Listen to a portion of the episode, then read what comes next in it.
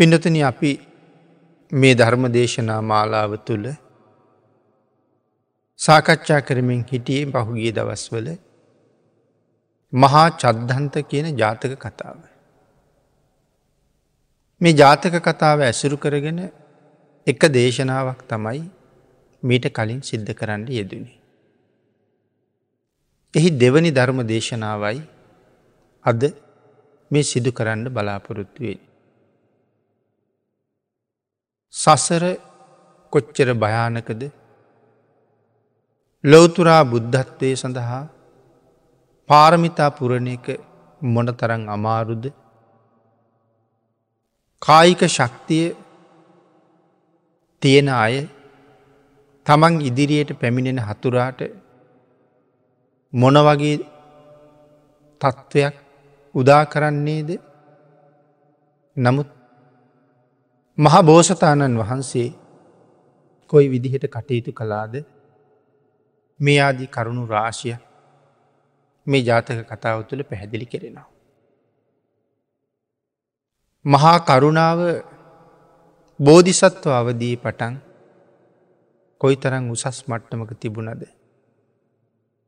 එදත් මහාකරුණාව ඒ තරං උසස් නං සම්මා සම්බුද්ධත්වයෙන් පස්සේ ඒ මහා කරුණාව කොයි තරන්.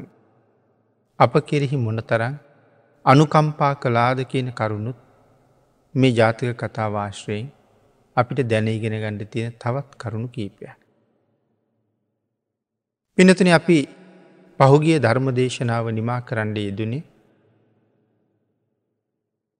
පිනක් කරලා සම්මාධිට්ටික ප්‍රාර්ථනාවක් කළත් මිත්‍යාදෘෂ්ටික ප්‍රාර්ථනාවක් කළත් ඒ ප්‍රාර්ථනාව විපාක දෙනවා කියන කාරණාව අපි එදා විස්තර කරලා කරුණු පැහැදිලි කරලා ධර්ම දේශනාව නිමා කළා.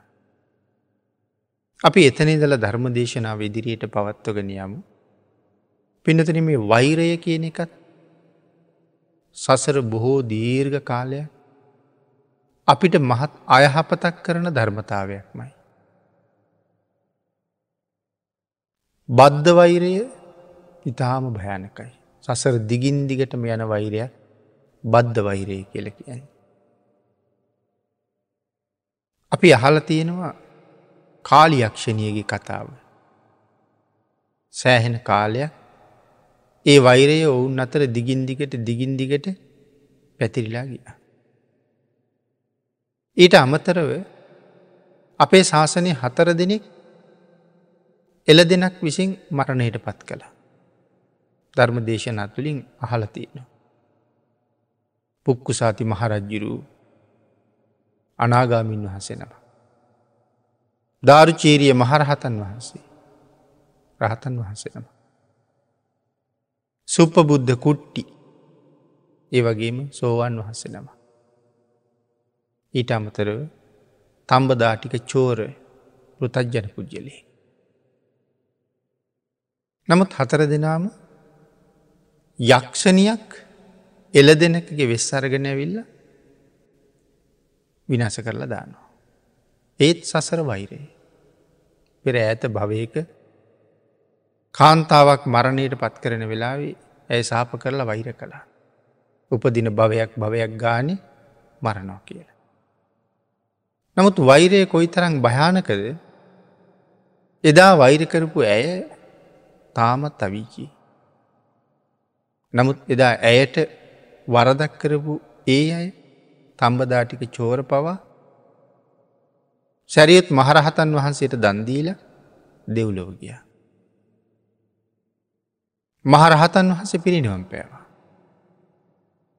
සෝවාන් වහන්සේ නම අනාගාමින් වහන්සේ නම සතරාපායට නොයා සසර කෙටිකරගන්න මග උන්වහන්සේලා සකසගෙනයි තියෙන්නේ.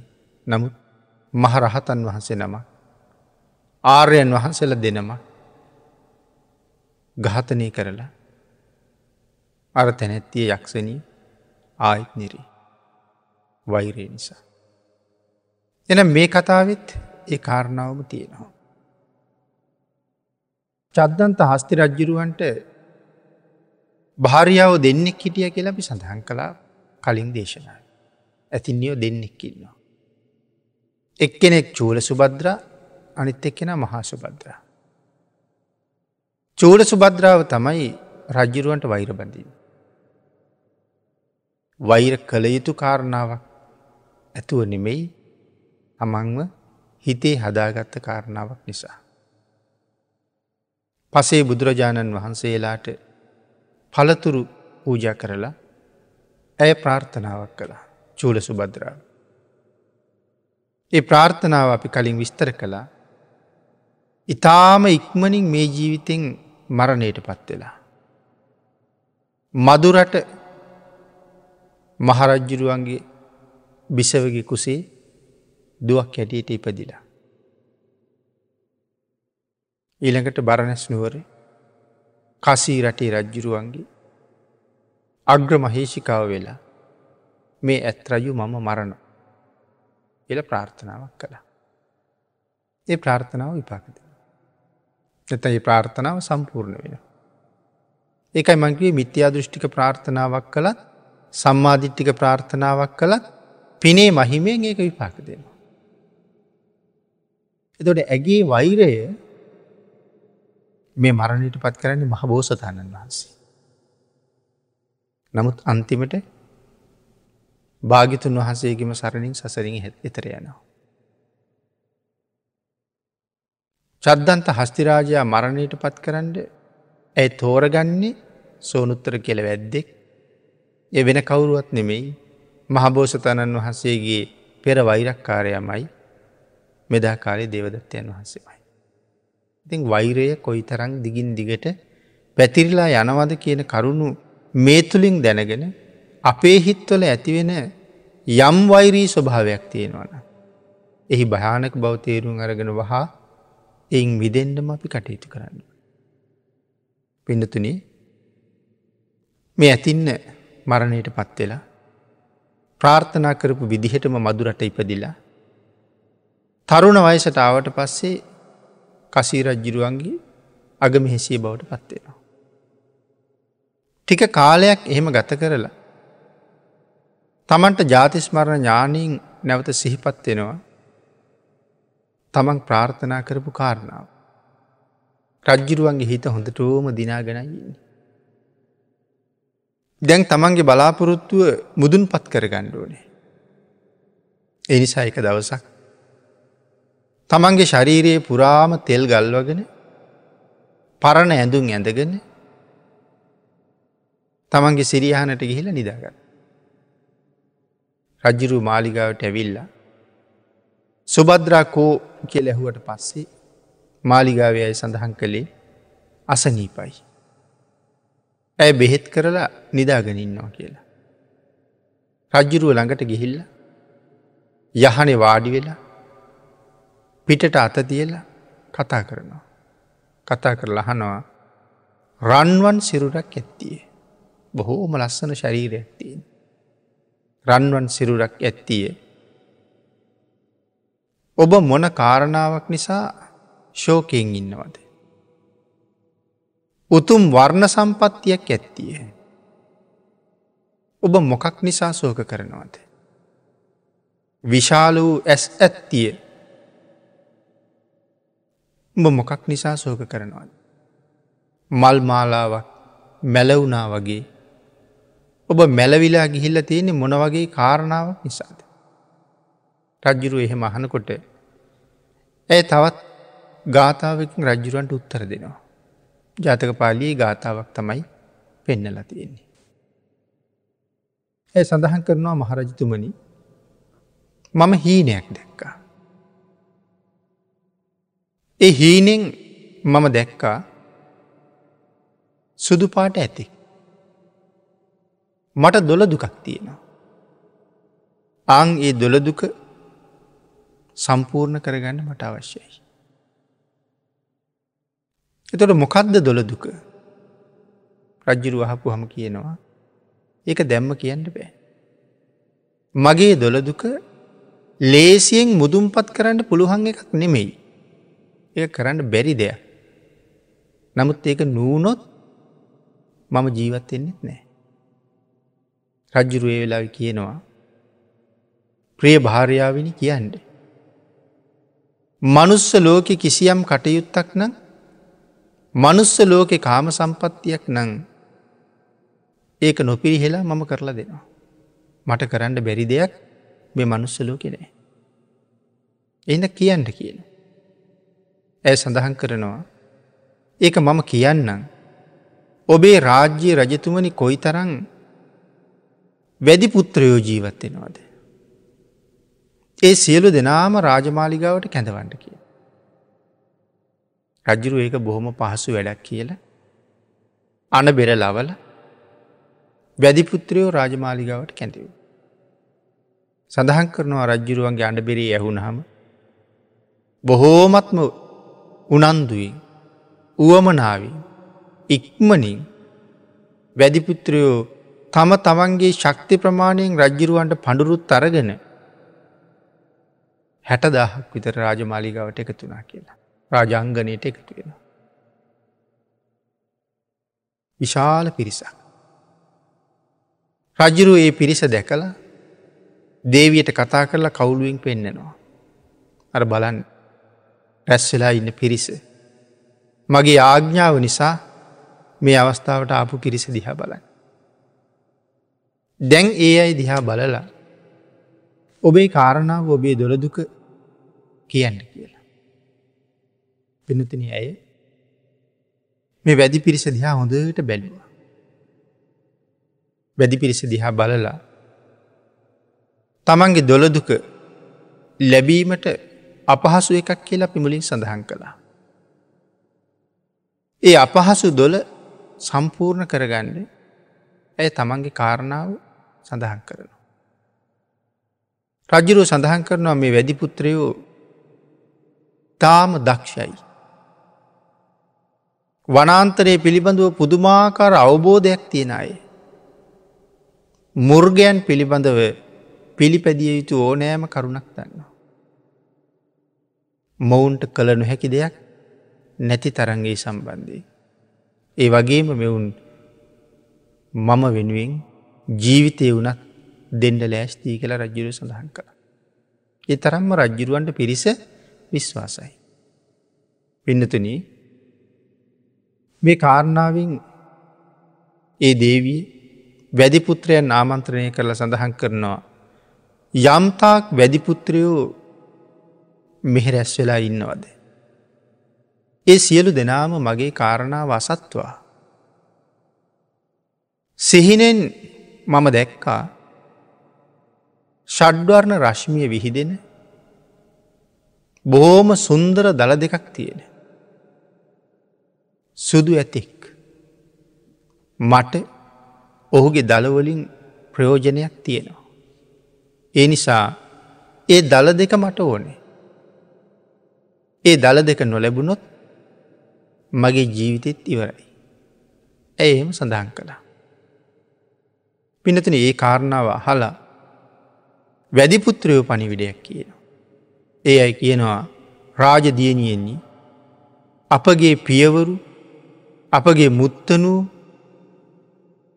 දීර්ඝ කාලය මේ වනාන්තර ඇසුරු කරගෙන කටයුතු කළා. නමුත් ඒ මුතුම්මිත්තෝ කවුරුවත්ම මේවාගේ ලස්සන රැස් විහිදෙන දළ සඟලක් තියෙන සම්පූර්ණයෙන් සුදුවන් වූ ඔවන් ඇතෙක් නං දැකල නෑ. අපේ පියවරු සහ මුත්තනුවරු දැකලත් නැත්තං අපි ගැන කවර කතාද කියල කීවා. අපිත් දැකල නෑ එහෙම කෙනෙක් ගැන. නමුත් ඇය සඳහන් කරනවා කොහෙද ඇතා ජීවත්වෙන්නේ කියලා. විශේෂෙන් පැහැදිලි කරනවා මේ වැද්දුම අහනවා. දිසා හතරක් තියෙනවා. අනුදිසා හතරක් තියෙනවා. උඩ දිසාවක් තියෙනවා යට දිසාවක් තියෙනවා. එතකොට දස දිසාවක් තියෙනවා. මේ දස දිසාවේ ඔය කියන ඇත් රජු කොහෙද ජීවත්තෙන්නේ. ගෙන කාරණාව නැවත අහනවා. එම කීවහම මේ සුබද්‍රාව සියලූම වැද්දන් දිහා තාමත්ම විමර්ශණ සීලීව බැලුවා. ඒ බලාගෙන බලාගෙන යනකොට ඇගේ ඇස් දෙක එක වැදිපුත්‍රයෙක් ළඟ නතර වුණා. සඳහන් කරන ඔහුගේ පතුල් ඉතාම පලලයි. දනහිස් හරියට ලොකුවට බැඳපු බත්මුලක් වගේ ලොකු දනහිස්තියෙන්. ඇස් දෙක පිංගුවන් පාටයි. රැවුල තඹ පාටයි. දත්වල පිළිවෙලක් නෑ. ඉතාම අප්‍රසන්න මූුණක් තියෙන්. පිරිසිදු බවක් ඔහු තුළත් නෑ. නමුත් මහා ශක්තිමත් බවන පේනවා. එනිසා ඇය තීරණය කළා මගේ කාරණාව මුදුන් පත් කරලා දෙන්න මොහු සුදුසුයි. මොහුට පුළුවන් ඒක කරන්න කියලා. රජ්ජිරුවන්ට කතා කරලා ඔහු පෙන්වා. පෙන්නලා රජ්ජිරුවන්ටත් මතක් කරල. අර වැදිපුත්‍රව හැටදාහකින් ඔහු ගෙන්න්න ගත්තා. සත්මහල් ප්‍රාසාදයේ උඩුම්ම මහලට ඔහුත් අනගහගෙන ගියා. එවෙන කවුරුවත් නෙමෙයි ඔහු නමින් සෝනුත්තර. මහා බෝසතාණන් වහසගේ පෙර වෛරක්කාරය තමයි මේ දකින්න ලැබෙන. ඒ උඩට එක්ක ගියාට පස්සේ ඔහු කියනවා දේවීනී මට ඇත්රජුගේ ස්වභාවය හරියටම කියන්න. ඒ ඇත්රජු ජීවත්වෙන දිසාව මට හරියටම කියන්න. ඒ වෙලාවේ සත්මහල් ප්‍රාසාදයේ උඩු මහලි උතුරු පැත්ති තිවිච්ච දොර කවුලුව විවෘත කරලා උතුරු පැත්තට අත දිගු කරලා මේ හිමාල වනේ තියෙන පැත්ත පෙන්ව.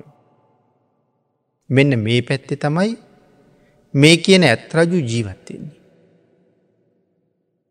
හිමාලි පෙන්නලා කියනවා මෙන්න මේ පැත්ති තියෙනවා එක විලක් චද්දන්ත විල. පිනතින චද්දන්ත විල ගැන අපි පළවෙනි දේශනාවිදි කරුණු ගොඩාක් පැහැදිලි කළා.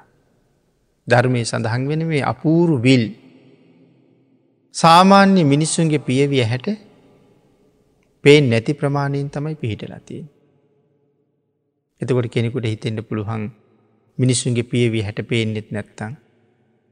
සාමාන්‍ය මිනිස් වාසයෙන් ඒ තරං දුරයිනං සෝනුත්තර එහිගේ කොහොමද කියලා. සෝනුත්තර එහි යන්නේ අර තැනැත්තියගේ ප්‍රාර්ථනාවටන්න. එකක් ඇගේ ප්‍රාර්ථනාවේ බලය මේ ඇත් රජු මරණ්ඩ මෝනේ. අනික තමයි සෝනුත්තරත් පෙර වෛරක්කාරය. ඒ මහා අපරාධය සම්පූර්ණ කරන්න ඒ නිසා ඔහුට හැකියාවකුත් තියෙනවා. එ පැත්ත පෙන්ඩලා චද්දන්ත විල පිළිබඳව කරුණු දක්වල. යන්ඩ තියෙන මාර්ග අපහසුතා ගැනත් කියනවා. ඉතා ලේසි මාර්ගයක් න නෙමේ. කොයි තරන් කාලයක් ගතවෙන්ඩ ඇද්ද සෝනුත්තරට මේ පැත්තට යන්ඩ. පිනතින සඳහන් කරනවා ඇත්රජු ඉන්න තැනට යන්ඩ අවුරුදු හතයි මාස හතයි දවස් හතක් ගත වෙනවා කිය. එනම් මාර්ගය කොයි තරං දුෂ්කරද කියන කාරණාව පිළිබඳව අය අමුතුවෙන් කරුණු අවශ්‍ය වෙන්නේ අවශ්‍ය වෙන්නේ නෑ. නමුත් ඒ පිළිබඳව අපි කාරණාව දැනුවත්වෙන්ඩේ වන නිසා මෙහි සඳහන් කරනවා ඒ මාර්ගය කොයි තරන් අපහසුතාවයන්ගෙන් පිරිල තිබුණද කියන කාරණාව ගැන. පිනතන මේ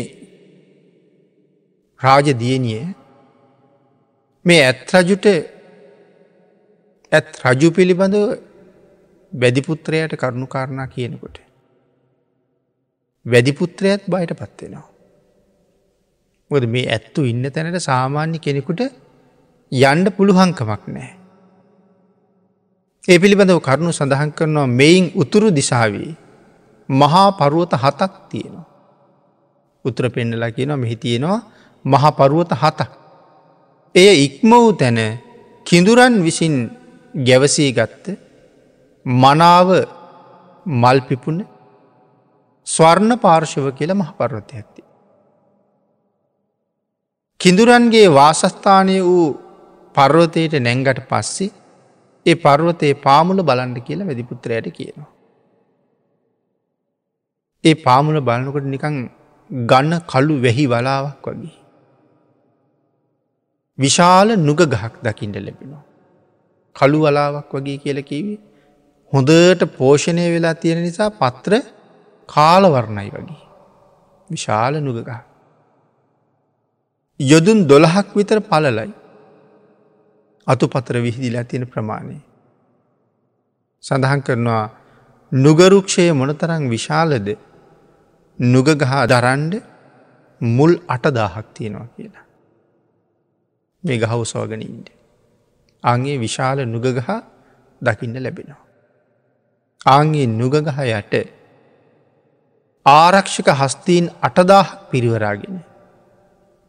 තමන්ගේ ප්‍රිය භාරයාවත් එක්ක. අසූ වටරියනක් උස එකසිය විසිරියනක් දිග පනස් අට රියනක හොඩක් තියෙන. තිස්රියනක් දිග රැස් විහිදෙන දළ දෙකක් තිය.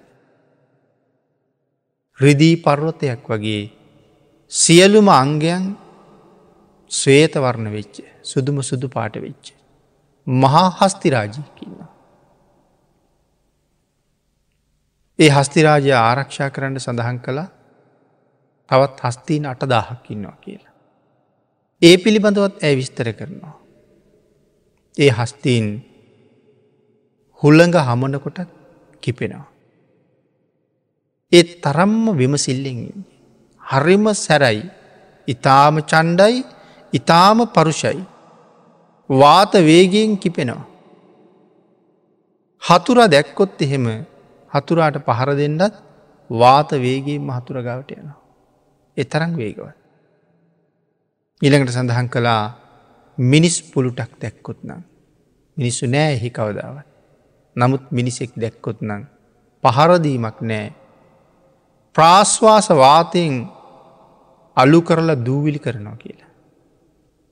පහලට හුස්ම හෙලෙනකොට මොනතරං වේගෙන් ඒ හුස්ම රැල්ල හෙලෙනවාද මිනිහෙක් අහුුණොත් එමිහ දූවිලි බවට පත්වෙනවා කියල සඳහන් කරනවා. ඒ තරම්ම පරුෂයි ඒ තරම්ම සැරයි.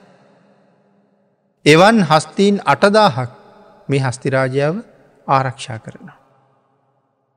මේ විදිහට කරුණු සඳහන් කරගෙන යනකොට මරණ බියෙන් බියපත් වූ සෝනුත්ත රහනවා දේවියනි මේ රජමාලිගාවේ රනින් කරන ලද ආභරණ. රිදියෙන් කරන ලද ආභරණ. වෛදූර්යාදීන් කරන ලද නොයෙක් ආභරණ මේ තරං පිරිල තියෙනකොට. නෑ කියන්ට සම්පත්තියක් නැතුව ඔබලාට සම්පත් තියෙනකොට. මොන හේතුවක් නිසා ඇද්දලවලින් කරන ආභරණයක් පලඳින්ට හිතුනද. රාජදියනියන ඔබට අවශ්‍ය ඒ මහා ඇත් රජු මරන්ඩද එහෙම නැත්තං ඔහු ළඟට යවලා මේ වැඩිපුත්‍රය මරන්ඩ දොබට ඕනි කෙළෙහවා. හොඳටම බයවෙලා සෝනුත්තරයන්නේ. ඒ වෙලා සඳහන් කරනවා වැඩිපුත්‍රය මම හටගත්ත ඊරිසියාව ඇති කෙනෙ. ඒ නිසා මං බොහොම දුකට පත්වෙලා ඉන්නේ. ඊරිසියාව ඇති වෙලා මම දුකට පත්වෙලා ඉන්න. අපූරු ධර්මකාරණාවක් කියනවා.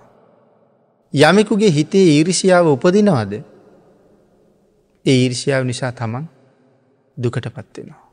නමුත් මේ ලෝක ජීවත්වෙන කවුරුවත් දුකට කැමති නැති අය දුක පිළිකුල් කරන අය එහෙමනම් දුක කොච්චර පිළිකුල් කළත් අපේ ජීවිතයට දුක කැන්දගෙන තියෙන අපිමයි. එකට හේතුව තමයි ධර්මය පිළිබඳව තියෙන අනවබෝධය. සසර පිළිබඳව තියෙන නොදන්නාකම. මෑත් සඳහන් කරනවා මම මේ ඊරිසියාව නිසා දුකට පත්වෙලා ඉන්නේ. සඳහන් කරනවා වැඩිපුත්‍රයේ මා පිළිබඳ වූ මේ කරුණ සම්පූර්ණ කරලා දෙන්ට. මගේ මේ ඊර්ෂියාව මුදුම් පත් කරන්න. මගේ ඊර්ෂයාවේ පැතුම සම්පූර්ණ කරන්න. එතෙක් මගේ දුක නැති වෙන්නේ නෑ. ආන්ගේ සඳහා ඔබට ගංවර පහක් දෙනවා කියල කියනවා. මේ වැඩේ කරලා දුන්නොත් ගංවර පහක් දෙනවා කියල කියනවා. අවුරුද්ධකට කහවනු ලක්ෂය මේක ගංවරයකින් ලැබෙනවා. එතුර ගංවර පහක්තයගි කරහම අවුරුද්ධකට කහවනු ලක්ෂ පහක් ලැබෙනවා. එවන් ගංවර පහත් මං ඔබට තෑගි කරලා දෙනවා මගේ වෛරයේ පිරිමහල දෙට. ඉල්ලීමක් කරනවා. නැවතත් සඳහන් කරනවා වැදිපුත්‍රය මම විසින් කරන ලද ප්‍රාර්ථනාවක් තියෙන. ආංගේ ප්‍රාර්ථනාව නිසා ඔබට වරදින්නේ නෑ. ඒ කාන්තයෙන් මේ ඇත්රජු මරන්න ඔබට පුළුවන් එයිද බයවෙන්ඩත් එපා. ඇයි සඳහන් කරනවා ඇත් රජු කොහි ඉන්නවද කවර තැනකට යනවද නෑමට යන්න ඔහුගේ මාර්ගය කුමක්ද කෙසේනම් ඔහු ඉශ්නානය කරනවාද. අරහිම සඳහන් කරහම වැදිපුත්‍රය අහනවා තෙම ඇතා පිළිබඳව සියලු තොරතුරු දැනගණ්ඩුවන මේ කාරණාවට. ඒ නිසා යහන්නේ ඇත්රජු හරියටම කොහෙද ඉන්නේ. ඇත්රජු යන පාරමොකක්ද. ඇත්රජු කොහෙද නාන්නේ. ඇත්රජු කොහොමද නාගන්නේ. මේ ඇතාගේ හැබෑම ස්වභාවය මොකක්ද. අටදාහක් ඉන්නකොට විශේෂයෙන් ඇත්රජු අඳුර ගණ්ඩුවනේ. ඒ සඳහා කරුණු අපි මුලින් සඳහන් කළා. රියන් අසූ වටක් උසයි එකසිය විසිරියනක් දිගයි පනස් අටරියනක රිදී දම්බැලක් වගේ හොඩක් තියෙනවා. දල දෙකින් හැම වෙලාම රැස් විහිදෙනවා. අනික් ඇත්තුන්ගේ රැස් විහිදෙන්නේ. මේ දළ දෙකින් නිරන්තරයෙන් රැස් විහිදෙනවා රිදී පර්වතයක් වගේ සුදුම සුදු පාටයි. හැම වෙලාම ඇත්තු අටදාහක් පිරිවරාගෙන ඉන්නවා. ඊළකට සඳහන් කරනවා මාර්ගයමොකක්ද. කිනම් මාර්ගයකින් ඔහු ගමන් කරනවාද. ඒ කාරණටිකත් කියල දෙන්න කියලා. පිඩතුන රාජදියනිය සඳහන් කරනවා තමන් පෙර ජාතීන් සිහිපත් කරලා. ලබාගත්ත නුවන ජාතිස්මරණ ඥානයක් යට තියෙන. අතීතයේ සිහිපත් කිරීමේ ඥානයක් තියෙන අර මිත්‍යාදෘෂ්ටික පෞකාර ප්‍රාර්ථනාවත් එක්ක ලැබිච්චේ. ආංගි නුවනින් සිහිපත් කරලා සඳහන් කරනවා.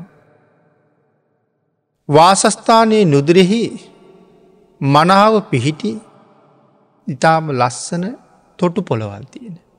මේ ඇත්තු ජීවත්තෙන් ඇර නුග ගහයට.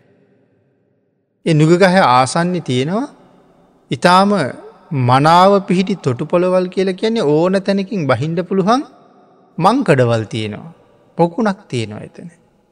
ඒ පොකුණ තමයි චද්දන්ත විඩ. ඒ විලට ඕන පැත්තකින් බැහැල ඉතාම පහසුවේ නාගණ්ඩ පුළුවන්. මනාව පිහිටි විලක් තියෙනවා කිව එකයි. මනාව පිපුුණු මල් තියෙනවා. අපි කලින් දේශනාවේ ගැන පැහැදිලි කළා. නිරන්තරයෙන් රොංගණ්ඩාපු මීමැස්සෝ වමරු පිරිල ඉන්නවා. මේකට තමයි කියන්නේ චද්දන්ත විල කියලා. මෙන්න මේ ඇත් රජු මෙන්න මේ විලේ ස්නානය කරනවා. මේ වැද්දට කරුණු කියනවා. ඒ ඇත් රජු නෑවට පස්සේ හිසේ ඉඳලා මුළු සරි ශරීරයම මහනෙල් මල්ලාදී නොයෙක් මල්වලින් අනික් පරිවාර ඇත්තු විසින් සරසනවා. මුළු හස්ති රාජාවම සරසනවා. නාණ්ඩ ගිහම ඉස්සරලාම නාන්‍ය ඇත් රජ්ජුරු. තරුණ ඇත්තු දෙන්නේ රජ්ජුරු නාවනු. නාවල ගොඩට ආවහම මහනිල් මල්ලාදී විලේ තියෙන ගොඩ තියෙන ජලි තලි දෙකේම පිපෙන මල් ගෙනල්ල මේ ඇත් රජු සරසනව කියල සඳහන් කරනවා. සැරසුවට පස්සේ අනික් ඇත්තුනුත් නාගත්තහම තමන්ගේ සබ්බ බද්‍රානම් වූ මෙහෙසියත් එක්ක තමන්ගේ නිවසට පිටත් වෙලා යන. ඒ කාරණාවෙන් හඳුන ගණ්ඩ කියනවා බෙයිනි ඇත් රජු කියලා. පිනතුන සෝනුත්තර වැද්දා ඒ කාරණා වහලා ආර්යාවිනී බොහොම හොඳයි. සතුටුයි යහපති මම ඇතා මරලා දළ ගෙනල්ල දෙන්නම් කියල කීවා. ඒකින් ඇයටත් සතුටුයි ඇය ඔහුට සඳහන් කරනවා කහවනු දහසක් අතට දීලා එනම් මේකත් අරගෙන ගෙදරයන්. අදින් පස්සේ හද්දවසක් ඉක්ම ගියපු තැන ඔබ ආපහු මෙහෙන්ඩ. රජමාලිගාවට දවස් හතකින් එන. ඔහු පිටත් කරලා කර්මාන්තකරුවන් කැඳවුණවා. කර්මාන්තකරුවන් කැඳවලා පින්නතින ඒ අයට කියනවා දරුවනී අපට වෑයවල් ඕනේ. පොරෝ ඕනේ. උදලු ඕනේ. මහපොළොව හාරණ උපකරන ඕනේ. ගුටි අනින ආයුද ඕනේ.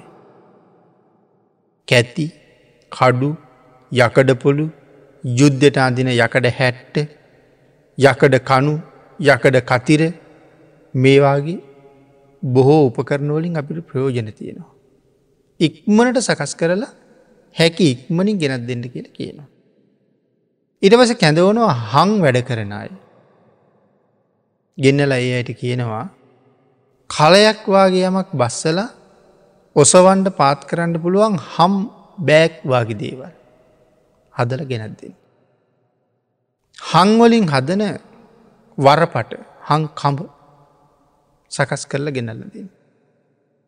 ඒ වගේම සඳහන් කරනවා හංවලින් ඇත්තුන්ගේ පිය සටහන්වාගේ පොළොවේ අඩිහිටින පාවහන් හදල ගෙනත් දෙන්න කියන. එක දාගෙන ඇවිද්ධහම ඇතෙක් ගියාවගේ. එහෙම පාවහන් හදල ගෙනත් දෙන්න කියන. ඒ සියල්ලමත් සකස් කරලා ගෙනල්ල දෙනවා. දින ගණන නික්මුණට පස්සේ සෝනුත්තර සූදානන් වෙලා එනවා. තැම් මේ සියලුම යකඩ උප කරන. අර හම් බෑක්වල දාලා අනික් බෑග් සහ යකඩ යොත් හංගොලි හදාපු යොත් ආදීසි ඇල්ලමත් අර මළුවල දාලා තියෙනවා. මේ සඳහන් කරන්නේ විශාල බරක් කියන යකඩ කනු යකඩ කතිර විශාල උදලු කැති වෑපොරු සාමාන්‍ය පුද්ජිලෙකු ලුස්සන්ට බැරි බරක් නතිය. නමුත් සඳහන් කරනවා සෝනුත්තර ඇවිල්ල තමන් උපකරන ටික දැක්කහම හරිට නිකං සාමාන්‍ය පුද්ගලයෙක් එදිනෙදා බුලත් විට දාගෙන යන මල්ල යම්සේ අතට ගන්නවාද. මේ සියලු ආයුධ පුරුවපු බෑගික කෙනෙක් බුලත් මල් අතට ගන්නවාගේ අරගෙන තමන්ගේ කිහිල්ලි ගහගත්ත කියලා. ඒ තරං ශක්තිමත්. ඒ නිසා සඳහන් කරනවා සෝනුත්තර ඇත්තු පස් දෙනෙකුගේ ශක්තිය දරනවා කියලා. සුදුසුම කෙනා තමයි ඇයතෝරගෙන තිය. දැන් අත් දෙකම බොම නිදහසේ තියෙනවා. රජ්ජිරුවන්ගේ අනුග්‍රහයි රාජදේවයගේ වුවමනාව සම්පූර්ණ කරන්න රථයක නැගලා ගම් නියම් ගම් ජනපද පහු කරගෙන පිරිවරත්ත කියනවා. ගම් නියම් ගම් පහුවෙලා ඇතට ගියහම ජනපද වැසියු සියලු දෙනා මෙතනින් ආපහු රාජ්‍යයට එවනවා. එතුට රාජ්‍යයේ බාහිර පිටස්තර වැසියන් එක්ක රාජ්‍යයෙන් එලියට ගිහිල්ල. වනාන්තරයේ සෑහෙන දුරක් යනවා. සාමාන්‍ය මිනිසුන්ට ඇතුල්වෙන්ට බැරි තරන් දුර වනාන්තරයට ගිහිල්ල. අනික් මිනිස්සුත් ආපහුයවනවා. එතන ඉදල ගමන තනියම යන්ට පටන්ගන්න. පිනතුනේ විශාල වනාන්තර ප්‍රමාණයක් පහු කරන්න ඕනේ. අගේකයි කිය සාමාන්‍ය අයට යන්ඩ බැරිතැන් කියලා. යොදුන් තිහක් විතර දුර මේ මාර්ගයේ තිස් යොදුනක් විතර. විශේෂයෙන් සඳහන් කරනවා. ඉස්සරලාම හම්බෙනව කියලා ඉලුක් වනයක් එකැන් තනිකරම තියෙන්නේ ඉලු. ඊළඟට සඳහන් කරනවා වෑලුක් කියල ජාතියක් පිළිබඳ. වෑලුක් වනයක් කියල සඳහන් කරලා තිය. ඊළඟට මදුරු තලා වනයක්. ඊළඟට බට බට පඳුරු වනන්තරය. ඊළඟට සඳහන් කරනවා කටු සහිත කිහිරිය වනයක් කටු ලැහැබින් යුක්ත වන ගහන හයක් හම්බේ. එ කටු සහිතවයි තියෙන වනගහන හය. ඊට පස සඳහන් කරනවා කටුවනේ කෙහෙරිය වනේ කටු සහ කිහිරිය මිශ්‍රවනය බටවනය හීම් බටවනය පිනතින මේ උන සහ බට වනාන්තරවල කොයි තරං ළඟින් ළඟින් බට තිබුණද සඳහන් කරනවා උරගේකුටුවත් යන්න බෑ කියලා. ඒ තරං ළඟ ළඟ හිරවෙලා බට පඳුර තියන්නේ සර්පයකුටුවත් රිංකණ්ඩ බෑ. ඉති සර්පයකුට රිංගන්ඩ බැරිනං මිනිහෙකුට කොහොමත් මේ බට කැලෑව යන්න බෑ. අංගේ වගේ බටවනයක් පිළිබඳව සඳහන් කරනවා. ඉළඟට සඳහන් කරනවා මේ වනාන්තර මේ විදිහට පහු කරලා පහු කරලා ඔහු පර්වත ගහනයට යන්ඩුවනේ. මේ වැද්දා ලී කපල ඉනිමං බැඳල ඒ ඉනිමං දිගේ උඩට නැගල්ලා උන වනාන්තරයේ උඩ ඉඳලා අර දේවිය හදල දුන්න දිග උපකරනෝලින් පල්ල හැතියෙන ගස් කපනවා කියලා. එහෙම කපලාරගෙන උනගස් දෙපැත්තට විසි කරනවා. එහෙම කර කර තමයි පාර හදන්න බිම ඉදලනම් කපාගෙන යන්ඩවේ. පාර හදාගෙන මෙහෙම උන්නවන බටවන මේ ඔක්කොම වනාන්තර ටික ඉක්මව්වට පස්සේ. තව මහ විශාල ගස් හම් වෙනවා මේ වනන්තරය ඇතුළි. පිනතින අපි තේරුම් ගණ්ඩුවන අපිට වැටහෙන්නෑ මේ කරුණු. විශාල ගස් කියල කියහම ඒ ගස් කවදාවත් කපන්ඩ බෑ. දෙපැත්තිෙන් ගිහිල්ල යන්නත් බෑ. අංගේ නිසා හොරෝ අරගෙන ගහ මැද්දෙන් පලලා බුරුමය අරගෙන විදලා නියන අරගෙන හාරලා ගහ මැද්දෙන් උළුවස්ස වගේ හදාගන්න උළුවහු කවුලුවගේ. එහෙම තමයි ගහෙන් හැ පැත්තරී හිලතිය. එතැන මොන තරම් රූක්ෂ ගස්තීන්ට ඇත්ත කියලා. මොනතරන් දුෂ්කර ගමනක්ද බොහොම යන්න කියලා. ඒ ඔක්කොම පහු කර හමතියන තන්නි කරම මඩ බැස්සොත් යට යන තරම්. මඩ විතරයි තියෙන්. නැවත ලී කපල මෙහි මෙහි වගේ බැඳල ඒ මෙහි දාලා ඒ මැස්ස දිගේ ගිහිල්ල නැවත මැස්සක් හැ පැත්තට දාලා එහෙම එහෙමතමයි මඩ වනේ තරණය කරන්න. ඊට පස්සේ තියෙනවා ජලය ගඟ ඔරුවක් හදලා ඒ ගංගාවිනුත් එතර වෙනවා. එහිත් බොහෝම භයානක බවල් කිඹුලෝවාගේ සත්තු ඕන තරගින්න ඇති.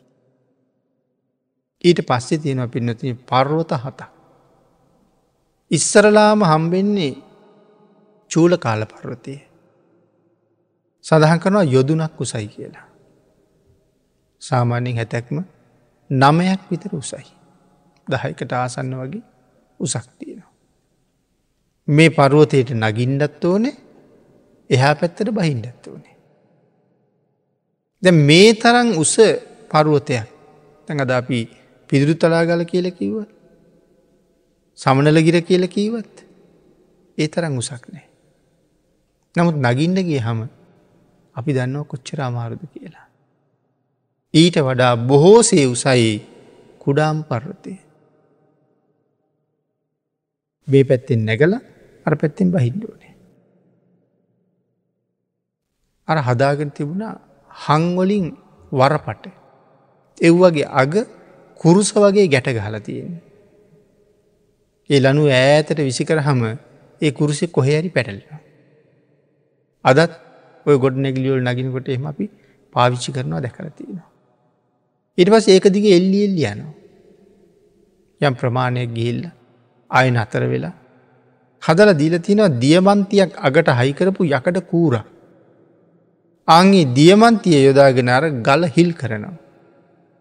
ගිල් කරලා මේ යනකොට අර බෑග් එක ඔක්කොම දරාගෙන යන්ටුවනේ. ඉරවස ඒක තියෙන යකඩ කූරු ඒ යකඩ කූරු අර සිදුරුවලට දානවා. දාලා එව්වගේ හිටගෙන හිටගෙන ඒවගේ නතර වෙවී උඩට යනවා. ආය උඩට ගිහිල්ල මේවා ගලවලා ගණ්ඩත් ඕනේ මගක් ගිහිල ගලවන්ඩුවන මගක් ගිල්ල ගලවන්ඩුව නැතැන් ඊළඟ කන්දරට නගින් හැටියක්නේ ඉර්වස ඒ උඩ ගිහිල්ල ගල උඩ අර යකඩ කතිර හයි කරනවා. හයි කරලා අර බෑගික හදනිකව කලගිඩියක් දාන්නවාගේ. ඒකට බැහැලා අර කතිරෝල එල්ල බහින. ලනුව වයි ගැට ගහලා බහිනවා. මගක් බැහලා ආය කතිර ගලව ගන්න. එහෙම බහිනවා. ඊළඟ පරුවතේ සැතපුම් හැටියට බැලුවොත් දහටක් විතර උසයි. ඒකත් එහෙමම තරණය කරන්න ඕනේ. ඊළඟ පරුවතය ඊටත් වඩ අවසයි. අන්තිම පරුවතයේ ස්වර්ණ පාර්ශ පරුවතය ගවටනට සැතපුම් හැත්තෑවකට ආසන්න පරුවතය උසයි. පිනතින ඒකත් නැගල එහැ පැත්තර බහින්ඩුවනි.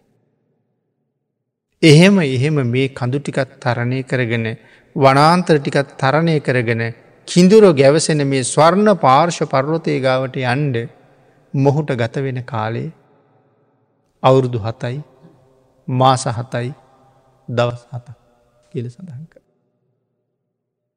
මොන තරං දුෂ්කර කාර්යක් කලාද මහබෝසතාණන් වහස විනාස කරන්න. එනම් එදත් එහෙමයි මෙදත් එහෙමයි. සසර පලිගත්ත අය තමන්ගේ නිවනම හදන මහ බෝස්ථානන් වහසට කොච්චර කරදර කරාද. නමුත් රජ්ජුරුවන්ගේ එදා ආගබිසව අපේ භාග්‍යතුන් වහසේ ළඟ ශාසනය පැවිදිලා රහත් වන බවත් මේ ජාතක කතාව සඳහන් කරනවා. තමන්ට හතුරුකං කරපු අයටත් හතුරුකමක් නැන්නේ. ඉතාම කීකරුයි ඉතාම ලෙංගතුයි. පින්නතින ඔබාතින් මමාතින් භාගිතුන් වහසට කොයි තරං සසර වැරදි කෙරිල ඇත්. යම් මොහොතක බුදුරජාණන් වහසේ ළඟ වැඳ වැටෙනකොට. අපි සමාව ඉල්ලන්නම වටිනවා. ස්වාමීණි භාගිතුන් වහන්සේ. අතීත සසර පටන් දැන් මේ මොහොත දක්වාම. මාගේ සිතකය වචනය කියන තිදුරින් සිදුවනාන්නන් යම් වරද. අනන්තවාරය අනේකවාරය අපමණවාරය සමාවෙන්ඩ කියලා සමාවිල්ලන්නම වටි. ධර්ම දේශනාවට තියෙන කාලේ නිමා වෙලා නිසා. උතුම් වූ චද්දන්ත ජාතක කතා වැසිරු කරගෙන සිදු කරන දෙවනි ධර්ම දේශනාව පින්නතින අපි මේ විදිහට නිමා කරමු